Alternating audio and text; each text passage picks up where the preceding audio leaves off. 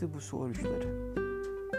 2016 Nobel ödülü Japon hücre bilimcisi, biyolog Yashuri Oshimi su oruçlarını ona borçluyuz. Tarih boyunca eski Yunanlardan bu yana dünya tarihinde, insanlık tarihinde oruçların yeri kapalı şekilde dinlerde geçiyor. Ama son bilim adamların araştırmasıyla özellikle 2016 bu Nobel ödülünden sonra dünyada bir su orucu e, kavramı yaygınlaştı. E, tamamıyla aslında kendini yemek demek Yunanca'da.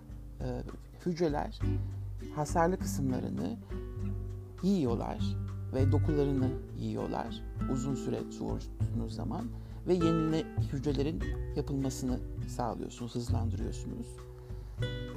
Su oruçlarının bu şekilde yayılması birçok insana göre zararlı ama bilim adamlarına göre bunun çok teknik bir faydası var vücuda. Çünkü olası kanser hücrelerini de yok ediyorsunuz. Öyle bir faydası var. Çünkü kanserler trilyon hücre olmadan ortaya çıkmıyor insan vücudunda ve her insanda belli bir kanserleşme olabilir. Hücre yapısının bozulmuş olma olasılığı çok mümkün. Ee, düzenli su oruçlarıyla öncelikle kanser hücrelerini temizliyorsunuz. Ve vücutta biriken birçok gereksiz atığı da temizliyorsunuz su oruçlarında. Ne diyelim bir büyük anlamda detoks. Düzgün su aldığınız sürece gün içinde ve bunu sodyumla potasyumla desteklediğiniz sürece hiçbir zararı yok. Ee, kısa süreli su oruçlarını zaten yapıyoruz IF'lerle intermittent fasting dediğimiz işte gün içinde 16 saat 18 saat yemeyerek işte bir pencere içinde 3-4 saat içinde yiyerek ona zaten birçok insan alıştı şimdi. Ee, eski o 3 artı 3 öğün yalanı çoktan kalktı gitti. Hala diyetisyenler ve çok uzman da gitmedi ama e, yavaş yavaş onlar da U-turn yapıyor. Hepsi 360 derece dönüyorlar merak etmeyin. Uzun yıllardır bize pompalanan son 50 yıldır işte 3 artı 3 yiyin, işte egzersiz yapın, işte az yiyin, yağsız yiyin e, teorisi feci çöktü. Çünkü insanlık son 50 yılda çok daha fazla hasta, e, diyabet hastası özellikle, kalp hastası özellikle, kanser başka çeşitleri de var ama onun da sebeplerinden biri bu. E, ve obezite tavan modern toplumlarda. E, ülkel toplumlara gittiğimiz zaman onların birçoklarını zaten mecburi olarak oruç tuttuğunu görüyorsunuz. Gıda erişimleri çok az. E, fakat hiçbiri patır patır dökülüp ölmüyor. Ve eski zamanlardaki oruçların dinsel bağlantısı olsa bile aslında e, tamamıyla vücudu temizledikleri ve detoks yapma amaçlı olduğunu görüyorsunuz. Mesela Budistlerde, e, o tapınak rahiplerinde veya bugün Tibet rahiplerinde aynı şekilde. Yani orucun bir anlamda temizlenme ve arınma olduğunu düşünürseniz eğer, su oruçları da bu anlamda tamamıyla bir vücut temizliği, bir mental clarity, hmm, beynin parlaması, onun da sebeplerine geleceğim ve bir calmness'lık, bir yumuşaklık ve sakinliğin vücuda gelmesi tamamıyla bir dinlenme aslında. Bize daha önce bahsetmiştim. Kadında 37 saatte, erkekte 33 saatte sindirim sistemi temizleniyor. Ve bunu böyle düşünürseniz aslında yediğiniz her şey gün içinde ve ertesi gün ve ertesi gün ve ertesi gün hiç temizlenmeden siz üstüne ekliyorsunuz sindirime Farz edin ki aslında gerçekte siz bir gün yeseniz ve bir gün yemeseniz çok güzel bir beslenme şekli olacak ama kimse bunu yanaşmıyor. Çünkü bizim gıdalara erişimimiz çok kolay. Ee, bu çağda her yer gıda. Ee, çok kolay gidip alışveriş yapıyorsunuz. Çok kolay hiçbir şeyi üretmeden, sıfırdan başlamadan kolay elde ediyorsunuz. İşte açıyorsunuz paketi veya bir e, alışveriş merkezinde markete gidip her şeyi alıp e, yeme hakkınız var. Ve bu korkunç bir e, kirliliğe yol açtı vücutta. Özellikle de hücrelerde. Bunun tek temizleme yolu da su oruçları. insanlara çok tabii böyle bir e, duvar gibi çarpıyor su orucu dediği zaman. Mesela İngilizce'de water fasting deyince herkes su orucunun ne olduğunu anlıyor. Kimse e, su içmeyeceğiz mi diye sormuyor İngilizce'de. Çok ilginçtir. Türkçe'de su orucu dediğiniz zaman herkes su içmeyeceğiz mi diye soruyor. E, ben bunun kafa yapısını pek çözemedim aslında. Niye su içilmeyeceğini hemen anlıyorlar su orucu deyince. Halbuki su orucu deyince ben direkt suyla yapılan oruç anlıyorum. Ama niye birçokları su içmeyeceğiz mi diye soruyor bunu çözemedim daha henüz. Yani Türkçenin bir e, yapısından kaynaklanıyor herhalde. Water fasting deyince herkes anlıyor İngilizce'de suyla yapılan bir oruç olduğunu. Temel amaç hani nasıl likit detokslarda olduğu gibi işte sıvı e, detoksu yapıyoruz ya sebze sebze sularıyla falan bu şekilde suyla vücudunuzu temizliyorsunuz. Çünkü o atıkların da bir şekilde temizlenmesi gerek, atılması gerek ve susuz yapılan e, Ramazan tipi oruçların açıkçası bir faydası yok. O tamamıyla vücuda bir eziyet. E, suyu da kesmek yiyeceğin yanında ekstra bir stres vücut için ve bu sırada detoks yaptığınız şeyleri nasıl atacaksınız yani su olmadan nasıl temizleyeceksiniz onu? E, bu Ramazan oruçlarını çıkaran zatların e, cahilliğine veriyorum ben. Şimdi, fakat şimdi bilim tabii ki bunu çözmüş durumda. %80'i su olan insan vücudu e, susuz yaşayamıyor. E, en fazla iki hafta kadar gidebiliyorsunuz susuz. Sonra zaten en fazla o da e, ölüyorsunuz yani. Ama yiyeceksiz bayağı bir gidebiliyorsunuz emin olun. O da vücudunuzdaki yağ oranına bağlı.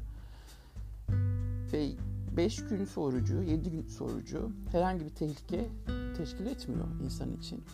Bunu önce işte bir günle başlıyorsunuz. İşte 16 saat yemeye başlıyorsunuz, kesmeye başlıyorsunuz. Sonra 18'e çıkıyorsunuz. Sonra 24'e çıkıyorsunuz. Sonra 36 saate çıkıyor bu. Sonra 48 saat. Biraz daha açtığınız zaman değişen şey vücutta e, glikojen dediğimiz bu şeker deposu, karaciğerdeki şeker, şeker deposu iki gün içinde yanıyor. Yani karaciğer vücuda hiç şeker girmediği zaman kendi deposundaki şekeri iki günde kullanıyor. İki gün sonrasında oluşan olay otofajiye giriyor. Yani kendi temizleme olayına giriyor. Üçüncü günde tamamıyla bu temizlik olayına başlamış oluyorsunuz. Şimdi iki gün oruç tutarsanız glikozu temizliyorsunuz, şekeri atıyorsunuz evet. Üçüncü günde pardon e, vücut kendine enerji kaynağı arıyor çünkü karaciğerdeki o şeker deposu bitmiş ve en yakınındaki yağ deposuna saldırıyor ve bu sefer yağları yakmaya başlıyor. Yağ asitlerini yaktıkça bir madde oluşuyor kanda. Keton diyoruz biz bu maddeye. Bu keton kompantları yükseldikçe sizin kan şekeriniz tabi haliyle düşüyor. Çünkü artık şeker girmiyor ağızda. Ve bu ketonların verdiği enerjiye üçüncü günde ulaşıyorsunuz. Ben şimdiye kadar üç gün yaptım. Ee, yani ketonlarım o kadar yükselmedi. Ee, bunu dördüncü gün yapanlar, beşinci gün yapanlar diyorlar ki öyle bir aydınlık geliyor ki beyne. Ketonlar o beyne ulaştığı zaman ki e, yüksek farkındalık ve beyin açıklığı, zihnin açıklığı inanılmaz bir olay. E, resmen kafanızda havai fişekler çakıyor ve çok fazla ileri düşünme safhasına geçiyorsunuz. Belki de bu eskiden işte rahiplerin, Tibetlerin hani o astral yolculuk dedikleri belki de olay bu aslında e, fiziksel, biyolojik açıdan e, tabiri. Hakikaten insan bir şekilde bir üst seviyede düşünme seviyesine geçiyor ve bütün hisleri çok daha fazla açılıyor, algıları açılıyor. Ben de bu dördüncü günü, beşinci gün olacak şeyi görmek istiyorum, tecrübe etmek istiyorum. Ve grup olarak aşağı yukarı grup dediğim kişiler de 17 bin kişi oldu şu anda. Belki de arttı 20 bine vardı. Amerika'da 5 Temmuz'da onların cumartesi tabii benim cuma günüm burada Avustralya'da toplu olarak 7 günlük su orucuna başlıyoruz. Bir ve ikinci günden e, eminim o kadar beni sallamaz. Üçten sonrasını bilmiyorum. Ben de bilmiyorum. Fakat önemli olan vücutta attığımız su kadar, tuz kadar onları tekrar geriye eklemek. mesela baş ağrısı olmaması lazım. Hemen bir böyle bir baş dönmesi falan hissettiğiniz anda tuzlu su içmeniz gerekiyor. Biraz Himalaya tuzu. İçine biraz işte elma sirkesi katıyorsunuz hafif potasyum olsun diye. Ben de ayrıca magnezyum tozu da var. Hani çok böyle e, bir çarpıntı gibi bir şey hissedersem üçüncü gün. Çünkü olmuştu hastayken işte boğazlarım çok şiştiği zaman tonsillitisten e, ben su bile içemiyordum ama o zaman e, kalp çarpıntısı başlamıştı. Bunu dengelemesi lazım. Yani o aldığınız sodyumun ve potasyumun işte magnezyumu hemen dengelemeyi bilmeniz lazım sonucunda.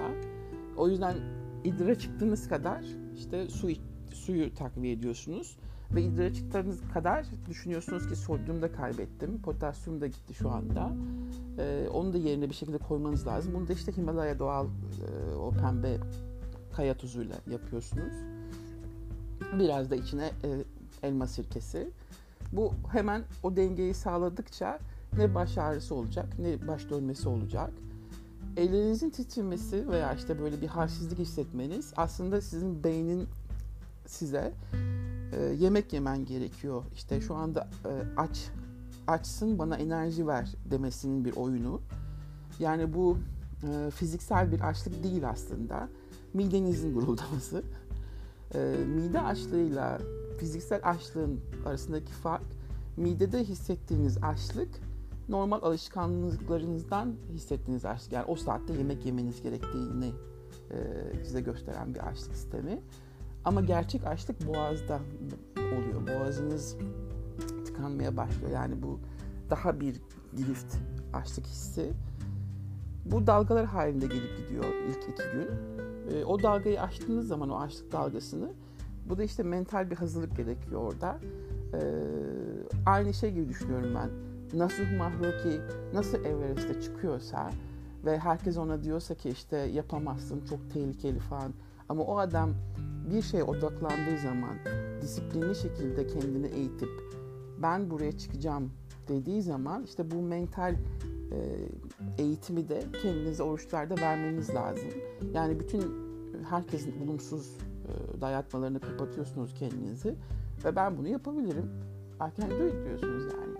E, bu hiçbir şey beni engelleyemez. İşte rahat bir ortamdayım, işte evimdeyim, neyse sokaktayım. E, yanında suyum var, tuzum var. Herhangi bir tehlikeye sokacak durumda değilim kendimi. Yani bana göre Everest'e çıkmaktan çok çok daha kolay. Ee, keşke nasıl Maruki oruç tutsak tabii bu arada. Komik olurdu. Neyse birdenbire böyle gözümde şeyler canlandı. Hani böyle film şeridi gibi nasıl Maruki ile oruç tutuyoruz falan. Yani, komik kolay. Sildim gitti görüntüyü. Böyle bir e, challenge. Challenge'ın da Türkçesi bana çok garip geliyor. Nedir bu bir yarış gibi? Yarış da değil aslında challenge. İngilizcesi çok daha güzel bir anlamı var. Kendinizi bir aşmak, e, kendi limitlerinizi zorlamak, comfort zone dediğimiz o e, rahatlık ortamından çıkmanız bir şekilde e, hayatınıza bir şekilde bir, bir, bir, bir şey katıyorsunuz, bir renk katıyorsunuz. Ya ben bunu da yaptım diyorsunuz işte. Yani ben gidip de tabii paraşütle atlayacak tipte bir insan değilim. Ama onu yapan insanlar da var. Bunu da yaptım diyorlar. Ee, onları da suçlamıyorum ama yani tabii aptalca buluyorum ama yani suçlamıyorum. Çünkü o hissi e, hissedebiliyorum. Bu da bunlardan biri. Bir şekilde bir gün, iki gün, üç gün yaptıktan sonra ya ben dört günde merak ediyorum, beşinci günde merak ediyorum, altı yedi de merak ediyorum diyorsunuz. E, yedi sağlık açısından limit bende.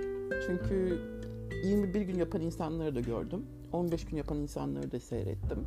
30 gün yapanları da gördüm. Açıkçası herhangi bir faydası fazla yok ileri gittiğiniz sürece. Hatta e, bu sırada işte millet diyor ya işte kasların erir falan davaları.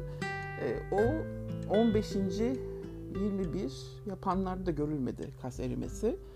30'dan sonraki yapanlarda oldu. Mesela şu hani açlık oruçlarına giriyorlar ya protesto için siyasal. İşte o insanlarda 30 günden sonrasında kas erimeleri falan başlıyor. Çünkü artık vücutta e, hele bir de fazla yağları yoksa bu insanlar zaten normalde zayıf insanlarsa e, vücutta enerji için kendi dokularını yemeye başlıyor haliyle organları yiyecek hali yok. E, yağlardan sonra kaslara gidiyor. Ama inanın bende yeterince yağ var. Ve yüzde dörtlük yağ oranı olan insanları bile bu su oruçlarına koymuşlar test etmek için e, atletleri, çok iyi atletleri ve kas erimesi olmamış. Yani o 7 gün içinde. Benim takip ettiğim bir Iron Man var. E, dünya çapında ünlü bir Amerikalı çocuk, genç bir adam. E, bu konularda çok bilgili. Nutrition Science okumuş zaten. Bodybuilding işte yani beslenmenin bilimini okumuş. E, çocukluğunda kitapları okuyan bir dahi böyle bir böyle bir tip. E, Iron Man yapmış, bodybuilding'i aşmış katlarca ve o insan bile e, senede 3-4 defa 5 günlük e, soruçları tutuyor. E, ay içinde 2 günlük soruçları tutuyor. Haftada bir gün mutlaka 24 saatlik tutuyor. Zaten gün içinde hep işte 16 6 18 6 yiyor galiba ya da 16 8 yiyor. Yani öğünlerini işte kısa bir pencereye bölmüş şeklinde devam ediyor hayatına. Ve aktif tabii ki çok aktif. Yani Nepal'de dağ, Nepal'i falan geziyor, Amazonlarda falan dolaşıyor. Böyle bir manyak bir adam yani. Ve bu insanlar hepsi birleştiği şey, vücudu temizlemek istiyorsanız mutlaka ara vermek zorundasınız yemeğe. E, mutlaka sindiriminizi dinlendirmek zorundasınız. Bu organlar aşırı derecede yoruluyor. Ve bu organlar sizin yaş yaşınıza bağlı özellikle karbonhidrat ve şeker tüketiyorsanız korkunç derecede aşılmış durumda ve hücreleriniz çoktan hasar görmüş ki ben e, buna büyük bir örneğim. İnsülin direncim var çünkü. İnsülin direnci hayat boyu yediğiniz karbonhidratın ve şekerin size geri dönmüş hali. İnsülin direncinin sonu diyabet 2. Bundan hiç kurtuluşunuz yok. Ben o oluşumu geliştirmeye çalışıyorum. Ee, ve o nedenle zaten e, benim keto hikayem başlamıştı işte. Annem de diyabet 2'den öldükten sonra. Şimdi sonra bu AF'e evrildi. Yani gün içinde sadece belli saatte e, yiyorum. Onun dışında atıştırma yapmıyorum. E bunun bir üst adımı da su oruçlarına geliyor. Bunu da düzenli olarak yaptıktan sonra bilmiyorum daha yapabileceğim ne var. Bu nedenle işte bu su oruçlarına başlıyorum. 7 günlük yarın. Tabii insanların eski bilgilerini kırmak çok zor. Çünkü herkese bir şeyler söylenmiş böyle işte sözde uzmanlarca. Ee, işte özellikle birincisi bu kas kaybı olayı. Şimdi şöyle bir şey var. Kas kaybı yani şimdi mantıklı da düşünmeniz gerekiyor. Bu ki deneysel olarak da kanıtlandı. Kas kaybı dedikleri şey aslında her şeyde olduğu gibi kasların da çoğunluğu sudan oluşuyor. Kaslarınızı geliştirmek için protein derler ama o kas yeni kas yapımı için protein ama kas büyütmek için bodybuildingçilerin birkaç gün öncesinden galonlarla su içtiğini hiç fark ettiniz mi bilmiyorum. Kaslarını şişirirler. Yani kasın da birçok şeysi e, o yoğunluğu sudan geliyor aslında. Sonra bu 7 gün veya işte 5 gün 7 gün oruçlarda kaslar da süzülüyor. Kaslar ama erimiyor. Kasların oradaki sular da atılıyor.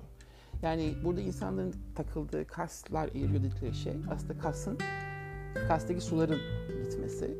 Tıpkı karaciğerdeki o glukozun deposunu azaltırken vücuttan suyun atılması gibi. Çünkü insülin biliyorsunuz çok su tutuyor vücutta ve şeker yüksek olduğu zaman hücreleriniz şişiyor suyla.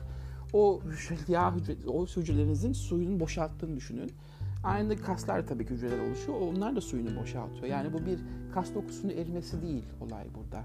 Yani tamamıyla yanlış bir bilgi dolaşıyor ortalarda. Ama bilin ki su atılıyor vücudunuzdan ve kaslardaki su da atılıyor. Ki bu 30. güne kadar devam edebiliyor ama 30 tabii ki 21 veya 30. günlerden sonra artık tabii hiçbir şey kalmadıysa vücutta bir yağ deposu kasları da yemeye başlıyor sonuçta. Su da kalmıyor, yağ da kalmıyor falan filan. Neyse bu kaslara gelmeden önce vücudun ilk istediği şey şeker değil mi? Enerji olarak. Şimdi bu glukozu boşaltıyor karaciğerden. Sonra çok ilginçtir ki bir depo glikojen de yani glukoz deposu, şeker deposu da kaslarda var. Fakat vücut kaslardaki şeker deposunu vermiyor. Yani glikojen o kaslarda her zaman kapalı durumda kalıyor. Karaciğer kendi glikojen deposunu boşaltsa bile kaslar çok cimri bu konuda. Onun da bir sebebi var. insan vücudu oluşurken e, biyolojik olarak bir şekilde enerjisini, kas yapısını korumaya odaklı. Mesela diyelim ki siz bir e, avcı, ilkel toplum üyesisiniz ve gıdanız yok, büyük bir kış geçiriyorsunuz tabii. E, ve o gıdaya ulaşmak için uzun bir yol kat etmeniz gerekiyor. İşte bir hayvan avlamanız gerekiyor. O uzun yolu kat etmeniz gereken kaslarınızdaki bu glukojen deposu. Ve vücut bunun sizi normalde yeme yemeyerek harcamanıza izin vermiyor. Çünkü oraya o targete, o hedefe, o hayvana, işte o yiyecek e, kaynağına ulaşmanız için sizin bu kaslara ihtiyacınız var. Tamam mı? Bu şekeri vermiyor, kendine saklıyor. O yüzden kaslardaki glukojen deposuna hiçbir zaman ulaşamazsınız. Çok egzersiz yaparsanız, çok ağır şey yaparsanız ve bu arada hala işte uzun oruç devam edebilirseniz ancak ve ancak o zaman işte kaslar kendini yemeye başlıyor dedikleri olay bu da aslında bu şekerin de çözülmeye başlaması demek. Ama normal şartlarda işte bir gün oruç tuttun, üç gün tuttun, beş gün tuttun, yedi gün tuttun. Hadi hadi uzattın, 15 gün tuttun kas erimesi diye bir olay yok. Bu glikojen deposu her zaman sizin kaslarınızda olacak. Çünkü size e, bir sonraki yiyeceğinize ulaşma imkanını bu kaslar verecek. Yani kimse patık diye düşüp ölmüyor oruçlarda. Kaslardaki bu şeker deposu yüzünden. Karaciğerdeki şeker deposu iki gün sonra eridikten sonra vücut enerji olarak e, en yakın depoya gitmek istiyor. En yakın depo karaciğeriniz yağlıysa ki bu %80 birçok insanda şu anda yağlı çünkü onlar hep tahıl beslendikleri için karaciğer önce kendi yağ deposundan kullanmaya başlıyor. Su oruçlarının en büyük etkilerinden biri de bu yağlı karaciğer hastalığını yok ediyor. Çünkü e, ilk ulaşabileceği şey karaciğerin bu kendi yağları, onlardan yağ asidlerinden keton yapıyor. Karaciğeriniz fazla yağlı değilse bu sefer bu karın bölgesinde dediğimiz orta bölgedeki iç yağlara ulaşmaya baş çalışıyor. Çünkü çok yakın yani hemen karaciğer içinde zaten oradaki yağlardan kullanmaya başlıyor. O yağ asitlerini hücreler açılıyor. Bu arada insüliniz düşüyor ya hani şekeriniz şeker almadığınız için. İnsülin düştükçe yağ depolarınızı açabiliyorsunuz ve yağ depolarını kullanabiliyorsunuz. Artık enerji için şekere ihtiyacınız yok. Bu yağ deposunu tabii yağ olarak kullanamıyor vücut. Yağ asitlerini keton maddelerine çeviriyor. İşte o gün, üçüncü günden sonra hızla kanda ketonlar yükselmeye başlıyor. Ve bu ketonlar vücuda inanılmaz bir enerji veriyor. Yani üçüncü günde artık siz e, Speedy Gonzales gibi sokaklarda koşabilirsiniz. Yani o kadar büyük bir enerjiye sahip oluyorsunuz. Açlık tamamıyla düşüyor. İşte dedikleri o aydınlanma dördüncü günde başlıyor. Beşinci günde artık bu brain barrier dediğimiz o beyin zarlarını da geçiyor ketonlar. Ve artık beyin de çok güzel beslenmeye başlıyor.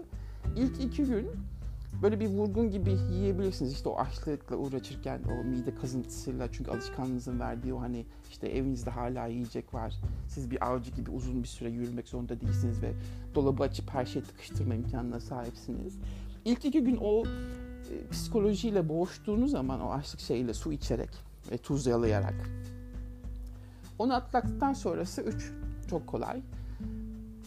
Ve 4 ve 5, 6, 7 diyorlar ki tam bir He-Man, Superman durumuna geliyorsunuz. Ee, göreceğiz bakalım ben bu duruma nasıl geleceğim. Şimdi her gün size bir pasaj okuyacağım kitaptan.